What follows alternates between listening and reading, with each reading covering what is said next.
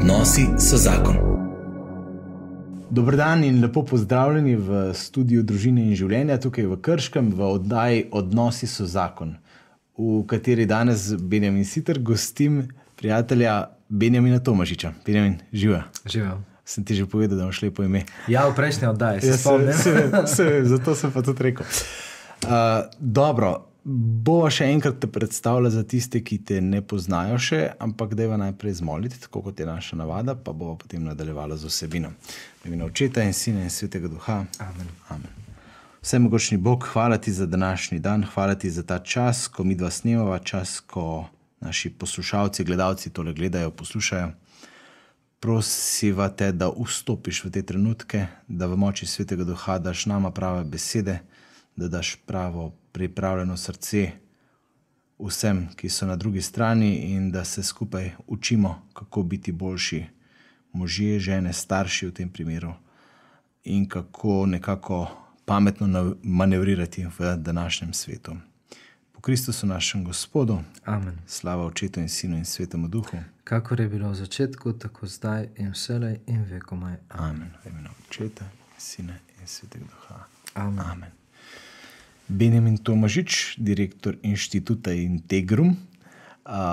To temo smo nekoliko že zadnjič odprli, pa bova kmalo naredila še eno oddajo, malo bolj na temo inštituta Integrum. Tokrat te imam pa v gosteh pod tvojim, ta drugim klobukom, rečemo. Si namreč tudi profesor informatike na gimnaziji Želimne. In ko smo govorili, katere teme bi bilo dobro nasloviti, smo vsekakor ugotovila, da je tema digitalnega in mladih nekaj, kar je izjemno pereče za njih same, še bolj pa morda za nas starše, ki nismo odraščali v tem svetu večinoma in ki v bistvu se z tako močno mero digitalnega pač tem, kako močno je to prisotno v življenju naših mladih, v bistvu včasih težko spopadamo, ne vemo, kako, kje česa se lotiti. Tako da, evo, to bi bila današnja tema. Uh, digitalno naših, pri naših otrokih, pri najstnikih. Zanimivo je, da ti imaš kot starš izkušnje z malo manjšimi, jaz imam kot starš malo starejše otroke, najstnike. Uh, nekateri so prav v teh istih vlogah, tudi pri tebi že, uh, se pravi v šoli. Kaj misliš, recimo, če primerjaš svoj čas odraščanja, recimo, kaj je bilo takrat bistveno drugače kot danes? Zagotovo je bilo težje dostopati do vse digitalne tehnologije, ni bilo um, pametnih telefonov, dostopa do interneta na vsakem koraku. Um, stvari, ki so bile dostopne, ker spomnim se, moj oče je bil um, računalničar, programer, tako da smo imeli tudi dokaj hitro doma računalnik, pa dostop do kakšne igrice. Uh -huh. Ampak uh, igrice so bile ne vem, kvadrataste, bile so audiovizualno uh, dost proste, z vidika, da so zahtevali uporabo domišljije uh -huh. pri uporabniku. No, spomnim se, kakšne princov prža, ko smo uh -huh. igrali tam en, ko si skakal tiste kvadratki, to razmišljal, ful. Po težavnosti, um, zelo zahtevna se mi zdi, z vidika igranja, ampak um, popolnoma nekaj drugega kot danes, ko, je, ne vem, ko so lahko tridimenzionalne animacije, ko so posnetki iz uh, realnega sveta. Um, ko uporabimo, ko uporabimo recimo izsek iz video igrice, to mi je bilo zanimivo, kot uh, del lažnih novic, več o tem kasneje, verjetno, ampak uh, to mi je bilo en tak, ko sem iskal, uh, kje vse video igrice danes so del naših življenj je ukrajinsko ministrstvo za obrambo uporabljalo izene, ko je nekdo objavil, je, in so potem ugotovili, da je fotografija bila narejena v eni uh, simulacijski videoigrici, ampak uporabljena potem kot uh, neka objava, ki dejansko se ni zgodilo v resničnem življenju. Tako Wow. se mi zdi. Um, Prepletenost realnega in digitalnega sveta je danes dost, dost bolj kompleksna in uh, močnejše zavezana, kot je bila v času, recimo, naše mladosti. Mm. Recimo v 90-ih. Recimo v 90-ih. Ja, ko, je, ko je že bilo ne, tudi nekaj digitalnega, ne, ampak ti si čakal na tisto eno sliko prek interneta, te prvo si moral preklopiti modem, pa ti, ti, Ja, ti, ti, ti, ti, če se še kdo tega spomni. a Ne. Pa si pa čakal, da se je kaj naložilo. Ne, vem, sem, a ne, avte sem obvezno downloadil, ne, ker se ni splačal vsakeč znova čakati, da si na, Zagotovo. naložil, ne. Zagotovo, res tudi ta odnos, kako trenutno v hipu želimo dobiti uh, odziv, v bistvu, uh -huh, je nekaj, kar je sedaj prisotno. Nekaj, kar uh, niti 15 let nazaj še ni bilo, uh -huh. uh, zagotovo pa ne v 90-ih, takrat, ko, ko smo mi dva recimo, prihajali v prvi stik s, uh, s tem spletom, pa z digitalno tehnologijo, malo bolj uh, z vizualnega področja, tudi računalniškega in internetnega. Uh -huh. uh, in to je nekaj, kar močno preoblikuje tudi sam način dojemanja in možganske strukture, kako se odzivajo, tudi na realni svet, ker so tam držljaji tako močni. In zato v bistvu potrebujemo, imam tako občutek, no, da potrebujemo starši tukaj premisleke, pa predvsem se pogovarjati o tem, kaj se nam zdi, da zbuja, da sprošča, da spremenja mm. in kako ravnati zdaj v teh situacijah. Ker v bistvu ekran je zdaj tako, ne? ko smo zdaj govorili o računalniku v 90-ih, je pač to bil škatla, ne? je bila škatla, je bila tipkovnica, je bil ekran, ne? v čistih začetkih še un zelen, ne? potem pa un manjši barven, ampak ta debu, ta dolg, ne? z, z katodno cevjo. Ne? Uh, pač, ge- ne? Če pa pogledamo razvoj pametnega telefona, ne? prvi pametni telefon, a veš, kdaj se je pojavil? Mm, 2008, Ja, 2.8. Ja. iPhone, ne? Ja, ampak mm -hmm. a ni to noro? Kako recimo hitra eksponentna rast uporabe tega je prišla po celem svetu ne? in kako je zdaj že čist en prevladujoč element naših življenj danes. Ne? Pa ne samo otrok, naš staršev tudi, če smo iskreni. Ne? Zagotovo, se tukaj tema je, se mi zdi ta, ki najprej in upam, da predvsem bolj kot karkoli drugega nam bo pomagala, pa res govorim tukaj zelo iskreno v prvi osebi, uh, nam nastaviti zrcalo. Mm -hmm. uh, ker uh, posledica tega, kako uporabljajo otroci, smo v bistvu starši. Mm -hmm. Um, starši v bistvu tudi povprečno menda več kot stokrat na dan posežemo ne, po pametnem mm. telefonu. To je neka statistika, ki sem jo nekoč nekje prebral.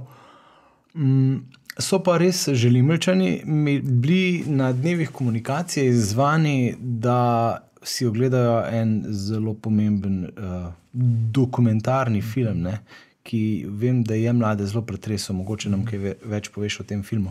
Ja, gledali so Social Dilemma, Uh -huh. to je Netflixov dokumentarec o uporabi družabnih omrežij, kjer se mi zdi, po eni strani predstavijo realnost uporabe, po drugi strani pa tako uh, zastrašujoče posledice, ki jih lahko imajo in ki so dejansko del življenj današnje mladine. Um, in izpostavijo potem vprašanje, kaj narediti, kaj pa zdaj, uh, oziroma kako živeti v tej družbi, kjer je tako močno prisotno in upeto življenje z družabnimi omrežji.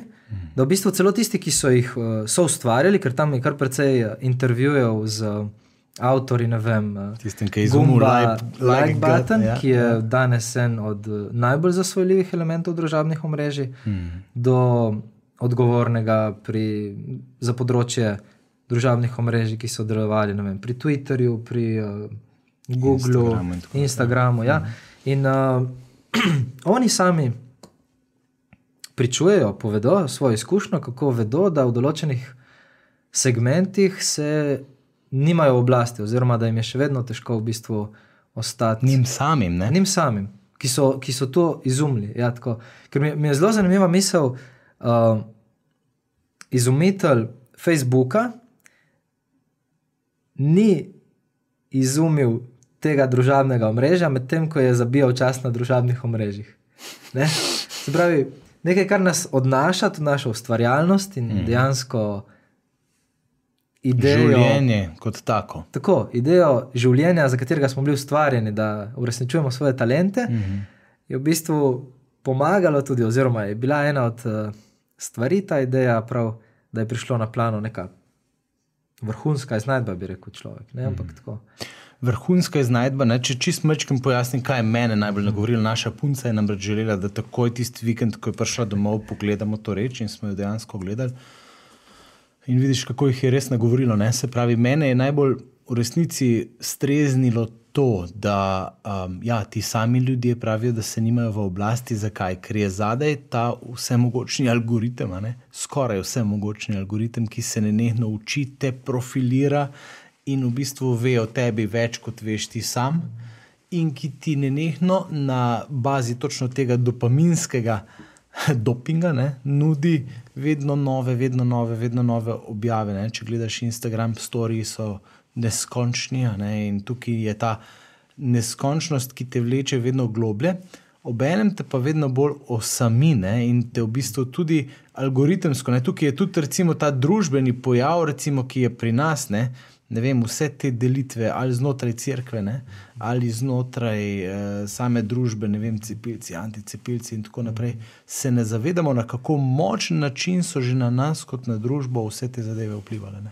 Ja, to, to zagotovo priznavajo vsi, ki se s tem ukvarjajo, da umetna inteligenca tukaj je vrhunska, res z vidika, kako nagovori tisto, kar nekoga pos, posameznika v bistvu ja, šopa s tem nekim užitkom, s tem, kar ga zanima, kar ga mhm, pritegne. Uh -huh.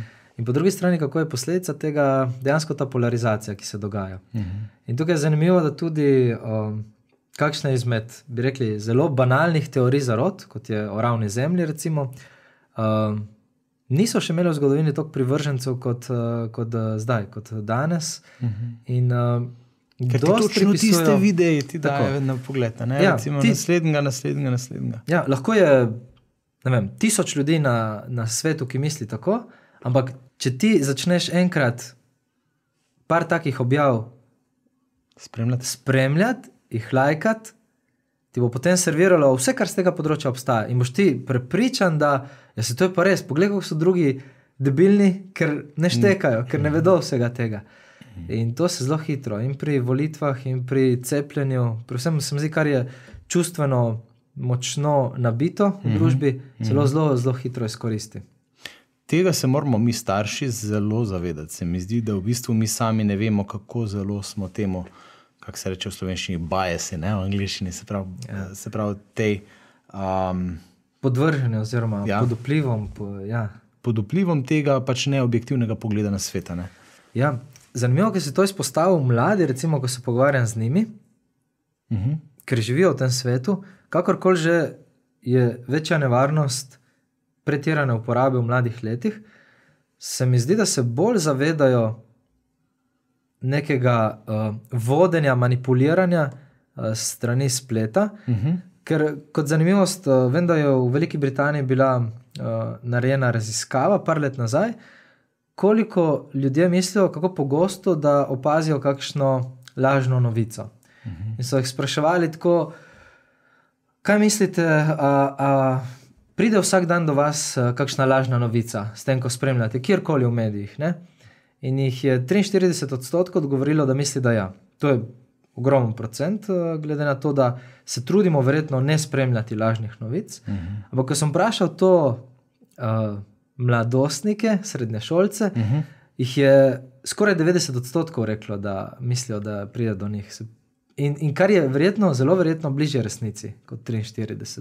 Se pravi, oni kot uporabniki, ki so nekako bili potopljeni v to od najmlajših najmlajših let, ne tako kot midva, ne, so verjetno imajo tudi malo boljše senzore. Že. Ja, ja. Mhm. tudi, tudi malo manj jih uh, sekira obremenjuje, pač v tem smislu, so what, ampak uh, zavedajo pa se, nekje imajo to zavedanje, da marsikdo jim laže, oziroma marsikaj ni res. Ja, pa imajo še kakršen koli način, da se pol sploh kakorkoli za karkoli odločijo. Še, to je druga težava. Samo potem na sovat pozicije. Ne? To se mi zdi pa druga težava. Ja. Ker je potem zelo lahko in tudi marsikdo med njimi, po mojem mnenju. Se potem postavi, da ja, tako noben, ne moreš verjeti. In, pač, in da ni objektivne resnice in resničnosti kot take. Ja, in se skriješ potem nekako zelo hitro v ta digitalni svet eh, nekega avatarja, kakšne videoigrci ali pa uh, objav na forumih po kakšnih uh, anonimnih uh, uh, vzdelkih, ali pa pač uh, na družabnih omrežjih, ko deliš kakšne stvari, ki v bistvu ti vseeno, kakšno, kakšen vpliv, kakšno posledico bojo prinesle. Hmm. Predno greva v temo, recimo, kdaj je mladim sploh dovoliti to. Da jim morda še kaj več povej o tem, kaj ti povedo, recimo, o teh eh, tehnologijah. Recimo, morda kot očeta najstnic me tudi zanima ta vidik te samopercepcije, se pravi, doživljanja same sebe skozi vem, idealno sliko na Instagramu ali pa skozi filtre na Snapchatu ali kako koli. Um, recimo, koliko je. Pa, pa jaz bi rekel, tudi ti v resnici nimaš dostopa do splošne populacije, ti imaš dostopa do, bi rekel, neke dokaj elitne skupine mladih v Želimlah, kjer vas si priznati, so pač res brihtni mulci. Um.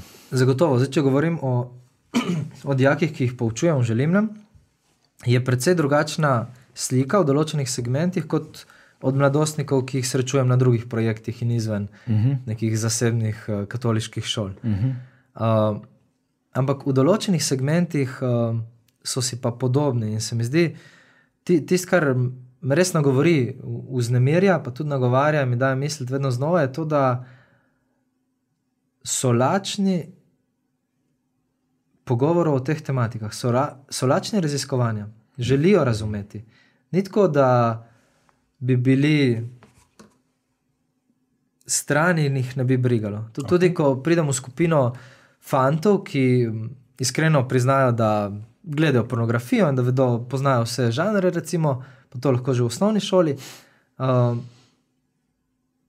oni na koncu, večkrat sem dobil tako odziv v stilu, ej, zakaj se večkrat ne moramo o tem pogovarjati tako odprto, iskreno. Mm -hmm. Ker logično se izvira to iz naših hrpenen. Če gremo gledati to samo podobo, ki si jo izpostavil, pač punca si želi biti sprejeta, ljubljena, lepa. Mm -hmm. In danes je v veliki meri tisto, kar je najhitrejši nadomestek tega, pač neka objava, ki jo daš na Instagram. Mm -hmm. Vržeš čez par filtrov, lajkaš drugim, da potem ti vrnijo uslugo. In potem, aha, ok, dobro, se tukaj sem dobila pa 73 lajkov, oziroma mm -hmm všečko. In to je nekaj, kar je del življenja. Tisto, kar je v social dilema, kar si prej izpostavil, dobro, po moje, je, da to vpliva na nas, tudi če si to ne priznamo. In tukaj se mi zdi ena od bistvenih vlog eh, staršev, vzgojiteljev, da pomagamo zaveščati, ampak najprej sebi. Najprej, zakaj mi Meni gledamo, všeč, če dobim lajke. Ne? Tudi ja. mi, ko objavimo neko stvar, ne vem, ali je z Integrumom ali je moja lastna, ne? in da potem vidiš komentarje, delitve, no to je pa res dobro. Ja. Ej, moramo, Fajn, bomo še kaj takega naredili. Moramo se pofotkati pa na Instagram. Pa. ja, ne, ker, ja. in, tukaj je delikatno, kako uporabljati moderno tehnologijo ja. za namene oznanjevanja, za namene uh, neke spodbude boljšega življenja Točno. ljudem. In po drugi strani, Bildanja ega. Ne filati ja. svojega napuha. Ja. In kje se ustaviti to? -huh. uh, kdo je tisti, ki mi pomaga nastaviti zrcalo? In ko bom jaz to imel razčiščeno in naredil kakšen korak naprej, bolj absolutno spraševati in se pogovarjati tudi z mladostniki o tem, tudi z otroki. Ker sposobni so zavedanja in je prvi korak, ni edini, ni dovolj, ampak na tej poti ozaveščanja in potem tudi fokusiranja na realne odnose, na, na življenje z nekom, ki ga lahko vidim, objamem, stisnem in uh, usmerjena večja količina energije v to, v to, kar je dejansko oprijemljivo, v to, ka, kamor sem poslan tudi s svojim telesom, uhum. fizično. Kako je pa kaj recimo s tem med mladimi, recimo, koliko se pa namenoma odločajo odlagati proč, pa biti fizično prisotni, ali imajo kaj moči za to, ali mm. to morda prihaja, ali kakorkoli. Meni se zdi, da je nek trend v nastajanju v tej smeri. Zdaj, splošno bi si ne upal podati generalne ocene. Mm -hmm. Zagotovo tisto, kar opažam, je, da recimo kakšne organizacije, združenja, skautje uh, so kjer je izrazito prisotno to, se mi zdi, v ozadju razmišljanja, vsaj naj bi bilo v ideji, um, stika z naravo, neke lastnih preizkušanj, moči, sposobnosti, talentov, uh, da je po mojem porastu, uh -huh. prav tako določene športne aktivnosti. Uh, in tukaj prihaja, mislim, do enega zavedanja, ki je kot odgovor na veliko količino in mislim, da še vedno v porastu problematiko prevelike uporabe. Uh, ko se pogovarjam z mladostniki, tudi povedo, da dejansko ta čas uh, lockdowna uh, je marsikje bil zelo, zelo hud, uh, stresen. Navezovalec na nezdravo uporabo. Ker uh Mhm. -huh. po eni strani lahko so imeli učitelje, ki niso bili spretni, po drugi strani, s strani sistema, je bilo uh, na račun zavarovanja toliko uh, nekih prav varovalk, ki se jih je dalo izkoristiti potem. In, -huh. in to je ogromno zgodb med mladimi, ko so reči: ja, uradno smo imeli sedem ur zumov, tistem dnevu dejansko smo sedem ur igrali, ne vem, World of Warcraft ali pa kaj podobnega. Ne? V ozadju nekje. Ja, pač igral si, imel si pa tudi tisti minimiziran okenček tam, Ja, tako da ja. si bil kao prisoten. Ja. Um, in, in to so izzivi, to je realnost, s katero se srečujemo. Uh -huh. In potem posamezno je zelo, zelo različno, kako s tem uh, se spoprime mladostnik. Tukaj je zagotovo ena varovalka in tisto, kar je še vedno, tudi s psihiatri, ko se pogovarjam, bistvena stvar je družina, ki je prostor, kjer je možno se pogovarjati.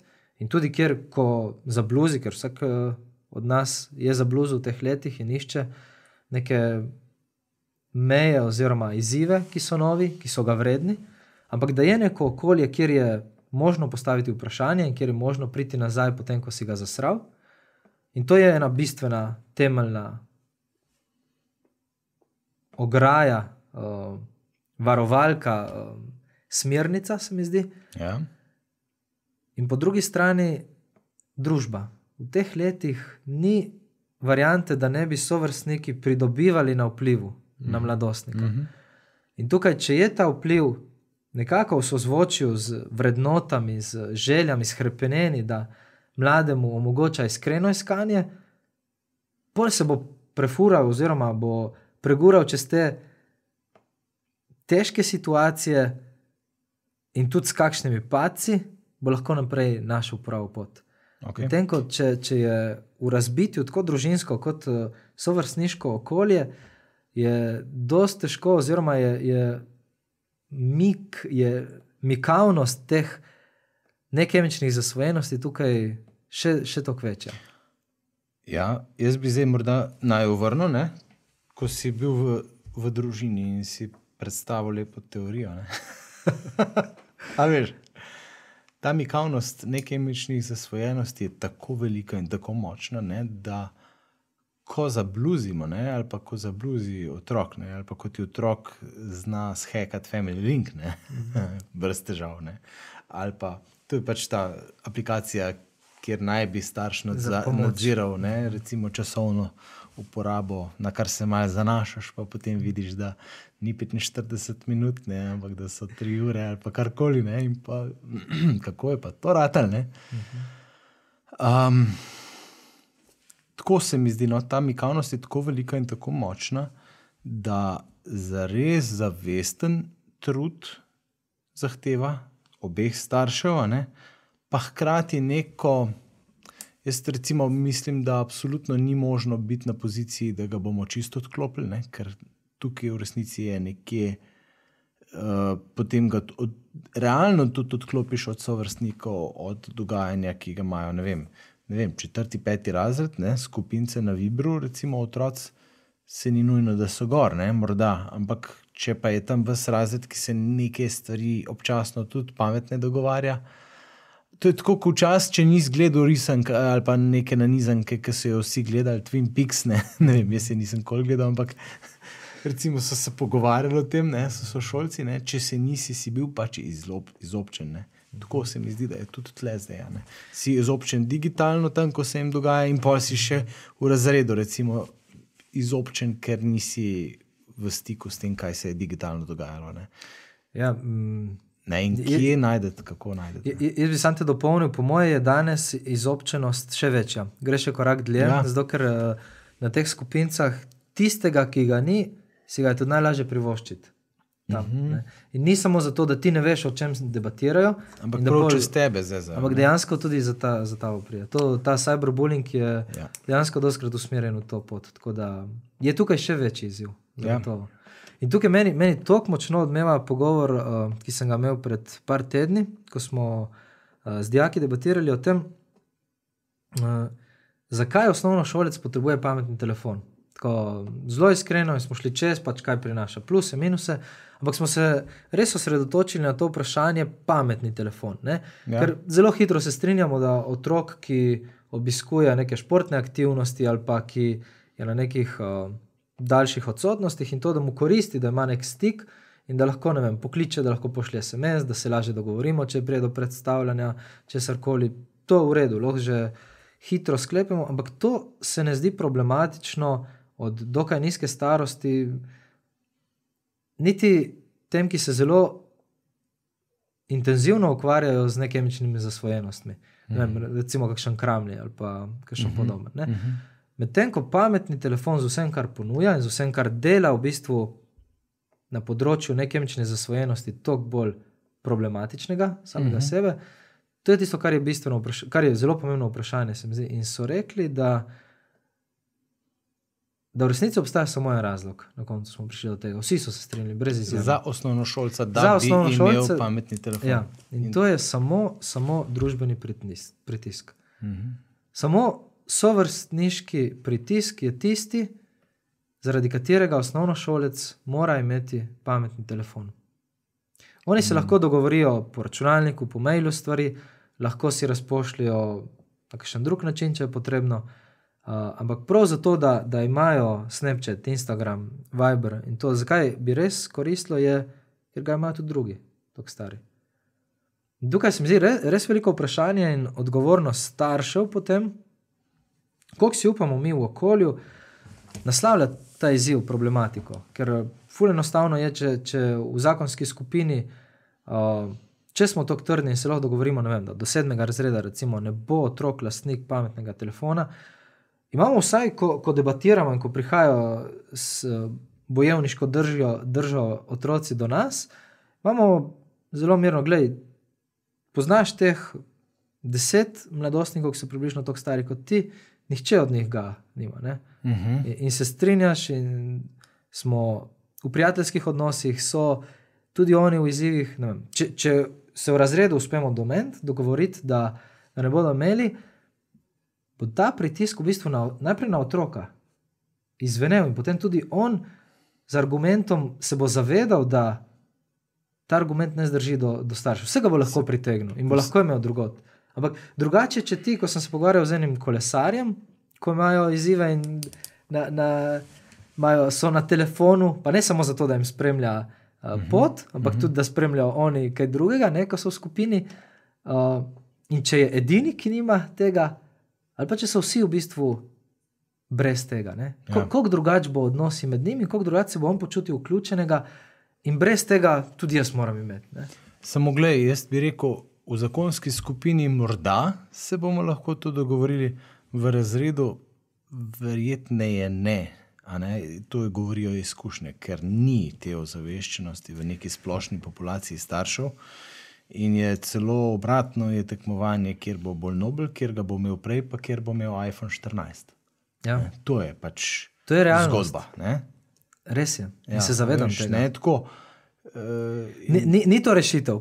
Ampak se mi zdi pa, da če bi spod... se pa to doseglo, bi bilo pa zmaga. ne? ja, se mi zdi pa, da smo spodbujeni starši, ki se zavedamo izziva in problematike, Mhm. da tukaj ne stojimo križem rok. Da vsaj sprožamo debate in si upamo naslavljati, kljub temu, da bomo vedeli vnaprej, da bomo v manjšini. Ampak izziv, da si upamo naslavljati, ker prinaša nekaj slabega za naše otroke. Da nismo tiho kot miši. Mhm. Tako, se, se zavedam, ful, ful velika resnica. Ampak jaz imam zgodbo dijakinje, ki mi je povedala, da je dobila pametni telefon pred osnovno šolo, Pred osnovno. pred osnovno šolo in kakšen izziv in kako slabo se je to zdelo, Pa ne v prvi vrsti zato, ker bi ga imela in ker je tako problematičen bil, ampak zato, ker je v starših opazovala, kako porabijo ogromno časa, ga zabijajo za vem, gledanje serij, za uh, zafrkavanje na računalnikih, na telefonih, niso pa bili povezani skupaj, pa niso imeli časa, da bi vzpostavili stik. -huh. Jaz to pažam presep, če si iskreno. Pač, če imam um, vem, Facebook, Instagram na mobitelu inštaliran, pa občasno ga imam, včasih ne, kakorkoli, ampak kadar ga imam, kokrat se zalotim, da kar med tem, ko bi bil lahko s tam malim ali pa s katero od deklet, kar nekaj mal gledam, brez veze, tako kar skromne. In, in se vsakič znova ozaveščeno, da je stran. Ne? Ampak kot da te kar kliče. In, in to je realen problem, no, se mi zdi. In uh, dajmo se res probati nekje tudi v teh realnih okvirih pač pogovarjati. Ne? Verjetneje je pač jaz ne vem. Da mi to zanimivost pove, no? ker so se prej pred, pred oddajo pogovarjali. Kdaj so rekli najstniki, da bi dali sami sebi telefon, to mi je fully zanimivo. No? 15-letniki, da ne bo pomote. Okay. Uh, v splošnem so rekli, poprečno dve leti kasneje, kot so ga dobili. Okay. Kdaj so ga pa dobili? Dobili so ga, Poprečno. če bi gledali tam nekje v začetku šestega razreda. Aha. Nekateri prej, nekateri kasneje, ampak v povprečju, da moramo reči tam nekje. Pri nas so bili v tej dobi že ta zadnji v razredu. Ja, večinoma so te zadnji. Tako da to, mhm. to so bili iz, bi rekel, uh, ozaveščenih družin na tem področju. Ampak sami so par let zatem, 15 let, rekli, da še, še kasneje bi bilo bolje, da bi ga dobili. Oziroma, tako so rekli, svojim otrokom bi ga dali dve leti kasneje, poprečno, kot smo ga dobili. Smo Se pravi, v osmem. Ja, ja. Vse so razlike tudi med njimi. In, in ko so šle debate prav na te uporabo kakšnih programov za nadzor, in to je bilo ful različnih mnen, ampak tudi modrih misli in izkušenj uh mhm. -huh. iz tega področja. Ampak vedno, vedno je ostajal ta izziv, prizvok v družbi, sem bil med ta zadnjimi ali pa sprejet malo čudno ali to. Še teže bi bilo kasneje, kar se tiče pa mene, koristi za moje življenje ali pa za moje odnose, pa bi zgotovo bilo ful boljš, da bi kasneje dobil. Ja, in, in to je re, res težka pozicija staršev. Ne? Res težka pozicija. Tudi morda bolj ozaveščenih staršev, ki bi radi nekaj več ali pa nekaj drugače. Ne? Um, Da še kaj povej, še kaj tako, o teh njihovih konkretnih osebnih izkušnjah, recimo s telefonom. S morda bi šel prav na to, no, ko si tudi izpostavil Family Link, pa te Screen Time, različne programe, ki ponujajo nek nadzor uh, uh -huh. pametnih naprav, uporabe interneta. Ker se mi zdi, lahko zelo hitro dobimo, nam prodajo neko misel, da uh, eno od dveh skrajnih misli se mi zdi zelo hitro lahko zapopademo. Po eni strani, uporaba programov za nadzor nas reši tega, da bi naš mulo zabluzil in preveč uporabljal pametni telefon, računalnik, internet, karkoli. Mm -hmm. To je ena skrajnost, pač, ki jo zelo hitro dobimo kot rešitev. In na drugi strani je noben program za nadzor ne more ustaviti mulca, tako da ga je brez veze uporabljati. Aha, kot da je to vse skupaj. Ja. Ja. In, in tukaj vmes se mi zdi tisto, kjer je uh, dobro iskati uh, zrno modrosti, uh mhm. -huh. ker o, v, v obeh teh skrajnostih je nekaj resnice. Ne? Uh, noben program ni popolnoma neprodoren in vsakega se da zaobiti, pa tudi če se ga ne da, se da nekje drugje dobiti telefon napravo, s katero lahko ti dostopaš do istih vsebin, do katerih bi drugače. Uh -huh. To je prvi problem. In drugi problem je, nobena skrbna vez, odnos ne bo pustila, da je nekaj, kar je problematično in česar ne more otrok samo vladovati, ostalo nenaslovljeno. In zato se mi zdi tukaj vmes, je nujno, nimamo starši več tega luksusa, da bi rekli, itak mulci vedo več kot mi, pač in Ja, ja, eh, ja, s ne, tem- ne uporabljajo. To je to. S ne. tem se je treba ukvarjati. To, to je nekaj, kar moramo se ukvarjati. Tudi tu, če se v zakonski skupini sam debatira in vpraša za primere dobrih praks, kako ste pa vi s tem se srečali, ali imate kakšno dobro izkušnjo. Uh, ampak tu, tukaj je res, se mi zdi nujno, ker mladostnik vidi, da staršu ni vseeno. Tukaj se mi zdi napačna, tega tudi jaz ne zagovarjam. Pač, da ko daš telefon, rečeš, gledaj, imaš omejitev pol ure na dan uh, za vse skupaj. Facebook, uh, ne, Facebook je tako ne uporabljajo. Snapchat 10 minut, Instagram 15 minut, YouTube 10 minut, drugo, kar želiš, to je to. Če, če je kaj, je rešitev, po mojem mnenju, znotraj odnosa. Tega, da se usedeš ti z mladostnikom dol, se pogovoriš, okay, zakaj vse bi ti želel uporabljati pametni telefon. Kje vidiš pluse, kje vidiš minuse. Kako bi lahko te minuse zaobšli? Dobro, recimo ti bomo inštalirali Family Link, koliko se ti zdi, da bi bilo smiselno ga uporabljati na dan? Tri ure. Ok, gre pogledati smernice Nacionalnega inštituta za javno zdravje. Priporočajo uro in pol za tvojo starost. Ne? Okay. Dobro, K kaj se ti zdi o tem? Ja, drugi uporabljajo tako in tako. da, da vzpostavljamo pogovor, da vzpostavljamo vez in znotraj tega potem iščemo dejansko stvari in se bojujemo s prekoračitvijo mej, uh, z izzivi, uh, z okoljem. Ker dejansko naš cilj ni, ne, da bomo mi zdaj otroka recimo, vem, držali na kratko z nekim programom, ne, naprimer Family Linkom, tja do ne vem, kjer ga leta 18, 20, ne vem, kjer ga. Ne, bo pa evo, off you go, ne, zdaj se pa recimo znajdi, ne, sam. Ker po mojem pač nek cilj bi moral biti, da poskušamo mi otroka postopno vzgojiti za neko samostojno, odgovorno ravnanje s temi napravami. Ne. Kar se spet sliši zelo lepo v idealnem svetu. Ne, Ja, ne, ne, ne zagotovo. Vse je težko. Ne.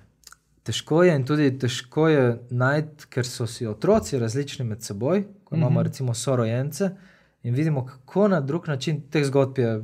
Vsaka družina, ki ima več otrok, se mi zdi, se srečuje s tem, kako pri enem je bila uporaba zmirna in ga ni mm -hmm. totalno prevzela, in kako je pri nekomu drugem lahko zabluzil in totalno obšel vse omejitve in, in se izklopil iz realnega življenja. Mm in, in to, tukaj so izzivi. Ne želim uh, posploševati in dati nekih uh, lažnih, uh, hitrih receptov, ker jih ni, mm -hmm. dejansko jih ni. Ampak to iskanje pa je nekaj, se mi zdi, kar je skupnega.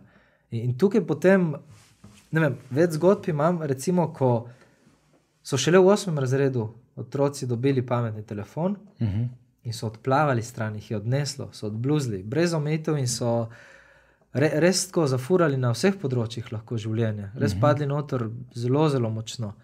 Uh, tako da ne, ne pravim, da je ena ali pa druga pot popolnoma idealna, ampak zdi se mi pa to, da moramo pokazati iskanje, željo, potem da bi na dober način. Znali uporabljati tehnologijo, ker tehnologija nam je prinesla ogromno dobrega uh -huh. in lahko oni uporabijo za to. To se mi zdi tudi zelo pomembno naglasiti. Ne? Tehnologija nam je prinesla zelo veliko dobrega, pa jaz si upam trditi, da s tem, ko bomo postajali malo bolj ozaveščeni, upam, da, ne? ali pa tisti, ki bomo, ali pa ne, postajali malo bolj ozaveščeni, nam bo lahko prinesla še kaj več dobrega. Ne? Se pravi, da se bomo sčasoma iz tega zabijanja cajta na, na pametnem telefonu vseeno prišli v kako se pa kaj naučiti. Ne vem, imaš aplikacijo Duolingo, se naučiš tujega jezika, tako 1, 2, 3, recimo, dosta zastojno ali pa ugodno, recimo, ali pa karkoli takega podobnega. Ne. Zagotovo. Meni je zelo dragocen zdaj čas, ko sem ravno v procesu digitalnega čiščenja, tudi sam. Uh -huh. In sem se že srečal s temi izzivi, uh, ki sem si zadal nekaj pravil, kako uporabljati. In ko ni bilo telefona, kot običajno pri roki, kar Nekaj mi je manjkalo, tako res. Ko kadilska neha, neha kaditi, pa mora imeti zobotrebce. zelo, zelo zasvojitveno, dejansko. Ja, mi je dalo misliti, ful. Uh, ampak res, kako bolj kvaliteten čas ostane potem po eni strani, in po drugi strani, kako tisti čas, ki ga preživim na, na napravi, zavestno uporabim za tisto, kar sem ga želel. In je, je zelo koristno lahko izkoriščen čas. In tukaj so stvari, dejansko naše življenje je, je kvalitetnejše, tudi do vsebin prihajamo, ki delajo naše življenje polnejše s pomočjo digitalne tehnologije. Meni je aplikacija Exodus full spremenila življenje. Pa je Enako. narejena prav recimo v, v digitalni sferi. Jaz nisem videl v- v živo nobenega od ustvarjalcev. Ja. ne. Uh, tako, ja. tako da res ne želim reči, uh, Da je vse samo tehnologija slabo, a ne? je slabo. Ja, ja. Ja. Ampak dajmo pa se vprašati, meni je zelo dobro vprašanje sedaj, a ta uporaba te tehnologije, te aplikacije, te naprave v tem trenutku, a podpira moje ključne vrednote v življenju, Mhm. ali me bolj vleče kam drugam, tako počasi, nezavedno. Ne? In Če imam tukaj ful jasen odgovor, ja, to, kar zdaj delam, me dela boljšega očeta in moža. To, kar zdaj delam, pomaga izpolnjevati moje poslanstvo. V redu, potem je to na pravem mestu. Če pa to, ja, morda bom čez pol ure naletel na članek ali pa posnetek na YouTubu, ki mi bo nekaj dal za to, ne, Mm. pol pa itak te pol ure bo vržene stran, splošno. Meni, recimo, če primerjam svoje vožnje ali pa sprehode zdaj, pa pred desetimi leti, recimo, ko sem se redno vozil v Ljubljano, ne, nisem še takrat, dobro, moral bi bil downloadati podcast na ne vem kaj, pa potem poslušati v avtu tako. Ne. Zdaj ga preprosto prek mobitela poslušaš med vožnjo in mi je neverjetno. Ne? In, in koliko stvari dobrih zveš, recimo na takih podcastih. Ne? Naprimer, zadnjič sem poslušal. Uh, ogromno je tudi teh, jaz prav priporočam te ameriške katoliške podcasterje. No, tukaj se mi zdi, da je toliko enega znanja, toliko enih duhovnih bogastev, da, da prav kdor le razume angliško dovolj dobro, ali pa da bi se rad še izpopolnil, ne gre kaj poslušati. Ne. Sem poslušal Jasona in Kristalino Evert, ki sta prav o teh stvareh govorila, no, tudi o družinskem času in uporabi telefona in tako. In dve, recimo, uporabni zadevi, čist za tule podeliti z našimi, recimo, dižovci. Je rekel, telefon, ko ga daš najstniku, ni njegov telefon, ampak je to moj telefon, ki ga najstniku omogočim uporabljati. Je rekel, med drugim tudi zato, da vedno vem kodo dostopa do telefona ne? in da vedno lahko nenapovedano ga vzamem in pregledam, kaj se dogaja na njem. Ne? In s tem ne posegam v njegovo zasebnost, ker je to moj telefon. Um, tako en tak res uporaben na svet, se mi zdi. Ne? Pa ga zveš preko telefona, medtem ko poslušaš nek pod, podcast. In še nešteto takih stvari. Ne? In se mi zdi, da se moramo res tudi mi, uh, tako no, ne vem, ali je to morda eno znamen časa, ne? ali je to morda eno znamen zadnjega časa, ne? ker piše v poslednjih dneh se bo znanje povečalo, piše v svetem pismu. Ne? In dejstvo je, da prav s to uporabo se v tem našem času res um, tako znanje povečuje. Ne? Morda tudi tole, kar mi dva zdaj delava, je neka vrsta izobraževanja, do katere prej nisi imel dostopa. Tako, ne? In uh, tako no, se mi zdi, da ne vem. Um, res probati čim več tega dobrega najdete noter v teh zadevah. Ne? Ja, in, in prečiščevati. No. Uh -huh. Meni je um, ta pojem, zdaj, ki je v zadnjem času prišel od digitalnega minimalizma, Uh -huh. mi je dober na tem področju, ker uh, uvaja ne askezo, prepovo, neko amištvo. Knjiga, ki je pri skreni izšla. Ne, prav na Tako. to temo. Mhm. Knjiga je prav na to temo. Tako. In tudi to digitalno čiščenje je malo podobno vzeto iz tega ven, kar delamo zdaj uh, v eni skupini. Uh, ampak ideja res uh, v ozadju mi je fajn, ker je tako celostna, ker obravnava tematiko uporabe digitalne tehnologije ne negativno, ne ful pozitivno.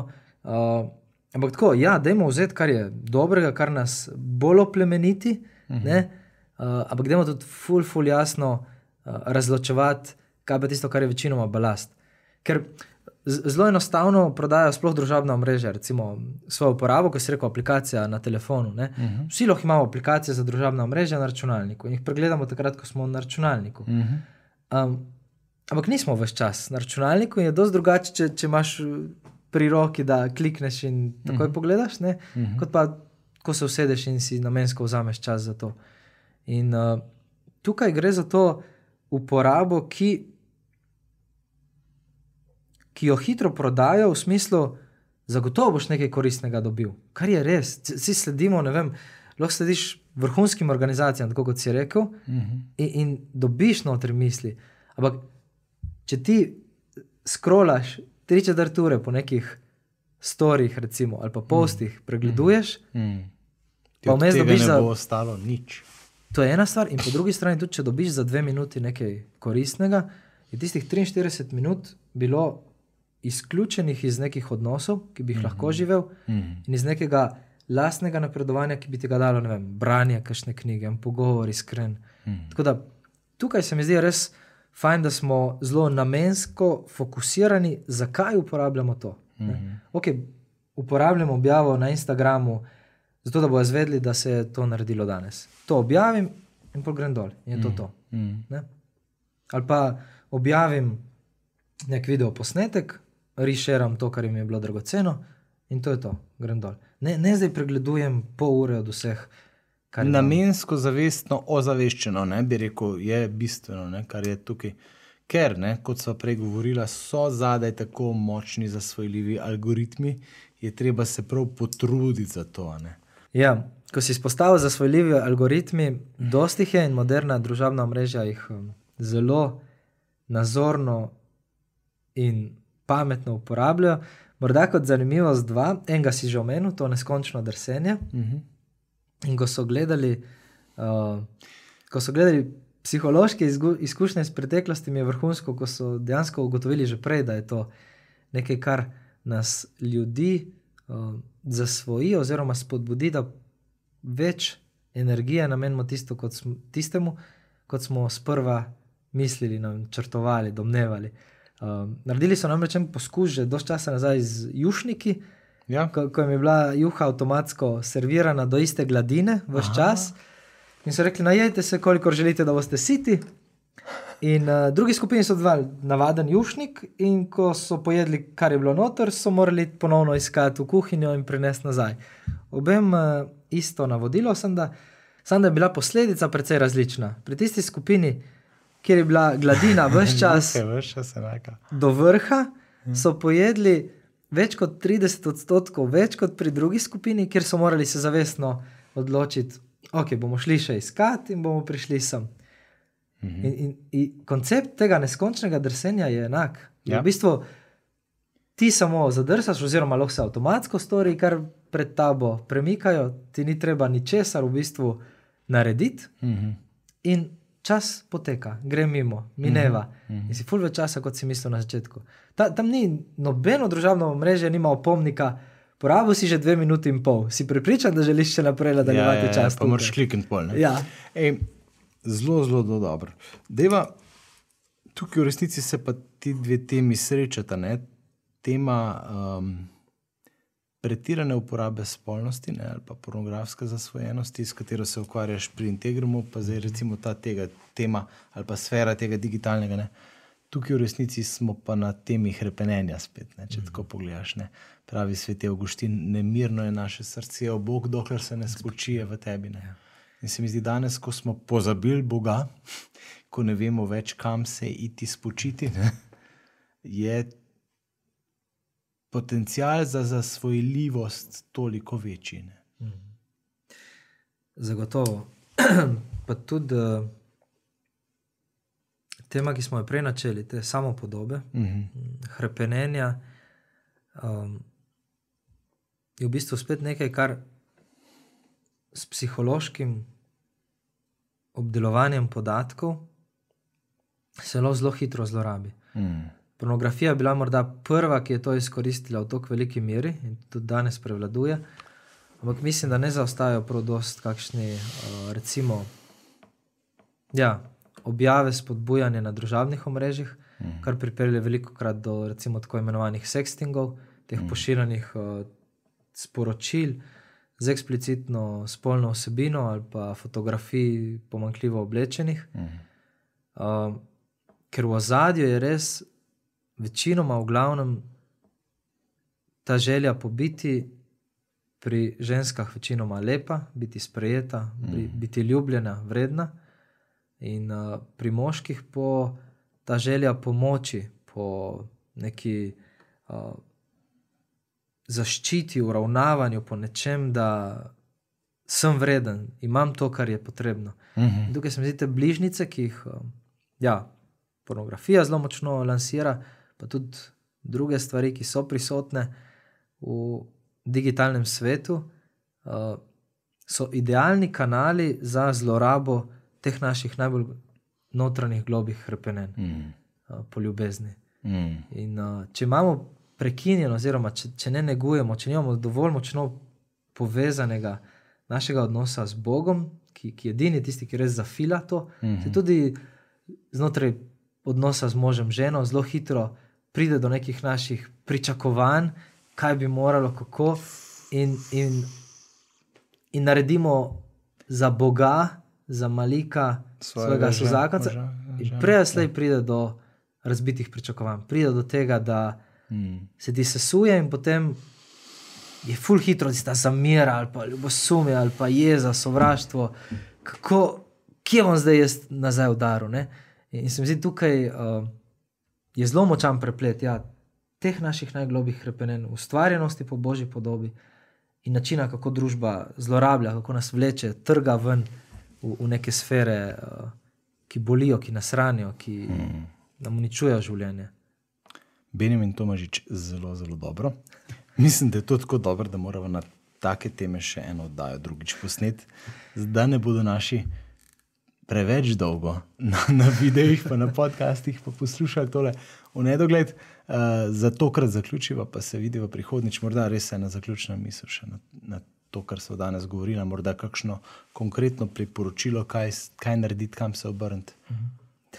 Um, jaz bi spodbudil vse nas starše, da, da smo aktivni, da si upamo, da se zavedamo, da za naše otroke je najboljši kraj naš dom. Mm. Da smo mi najboljši starši tukaj, zemljski, ki jih imajo na voljo. Kljub vsem pomankljivostim, kljub našim izbruhom, izpadom, kljub našemu neznanju uporabe tehnologije, mi smo jim poslani za starše. Mm. In, in tukaj, da se ne bojimo spregovoriti o, o tem iskanju, o tej nemoči. In tudi prisluhniti, ne vem, kakšnemu dokumentarcu, kar si izpostavil, prebrati kakšno knjigo, uh, predvsem pa se pogovarjati s temi, ki jih čutimo blizu, s temi, s katerimi si upamo biti ranljivi in jih vprašati za, vem, za nasvet mm. ali pa mhm. poklicati. Tudi. Morda, če bi kdo želel, um, novembra bo pri nas seminar Svobodni v medmrežju, mm. prav za starše, pa pedagoške delavce. Če bi kdo želel, tam bodo vem, Lesjak, Kramli, Zarnesa, dva zaposlena, Gerjol, Vodičar. Wow. Če bi koga zanimalo, lahko pogugla, pa se tudi prijavi, ker se mi zdi, uh, ni, ni cilj, da bi znali vse vedeli, ker tako se bo že jutri spremenilo, je pa cilj, da iščemo, da smo v odnosu. Mm. Uh, tako z bližnjimi, s tistimi, ki ima, jih imamo za oporo, kot z otroki, kot z Bogom, ne na zadnje. Amen. Hvala, Benjamin. Se vidimo prihodnič. Se vidimo. Um, če hočete gledati te naše oddaje, pa še niste naročeni na YouTube kanal Družine in življenja, naročite se. Kliknite tisti zvonček, da vas bo kdaj zmotil, pa pripeljal tudi na takele dobre vsebine, s katerimi mislim, mislim, da res gradimo odnose, za katere je vredno živeti in jih prenašati naprej. Hvala. thank you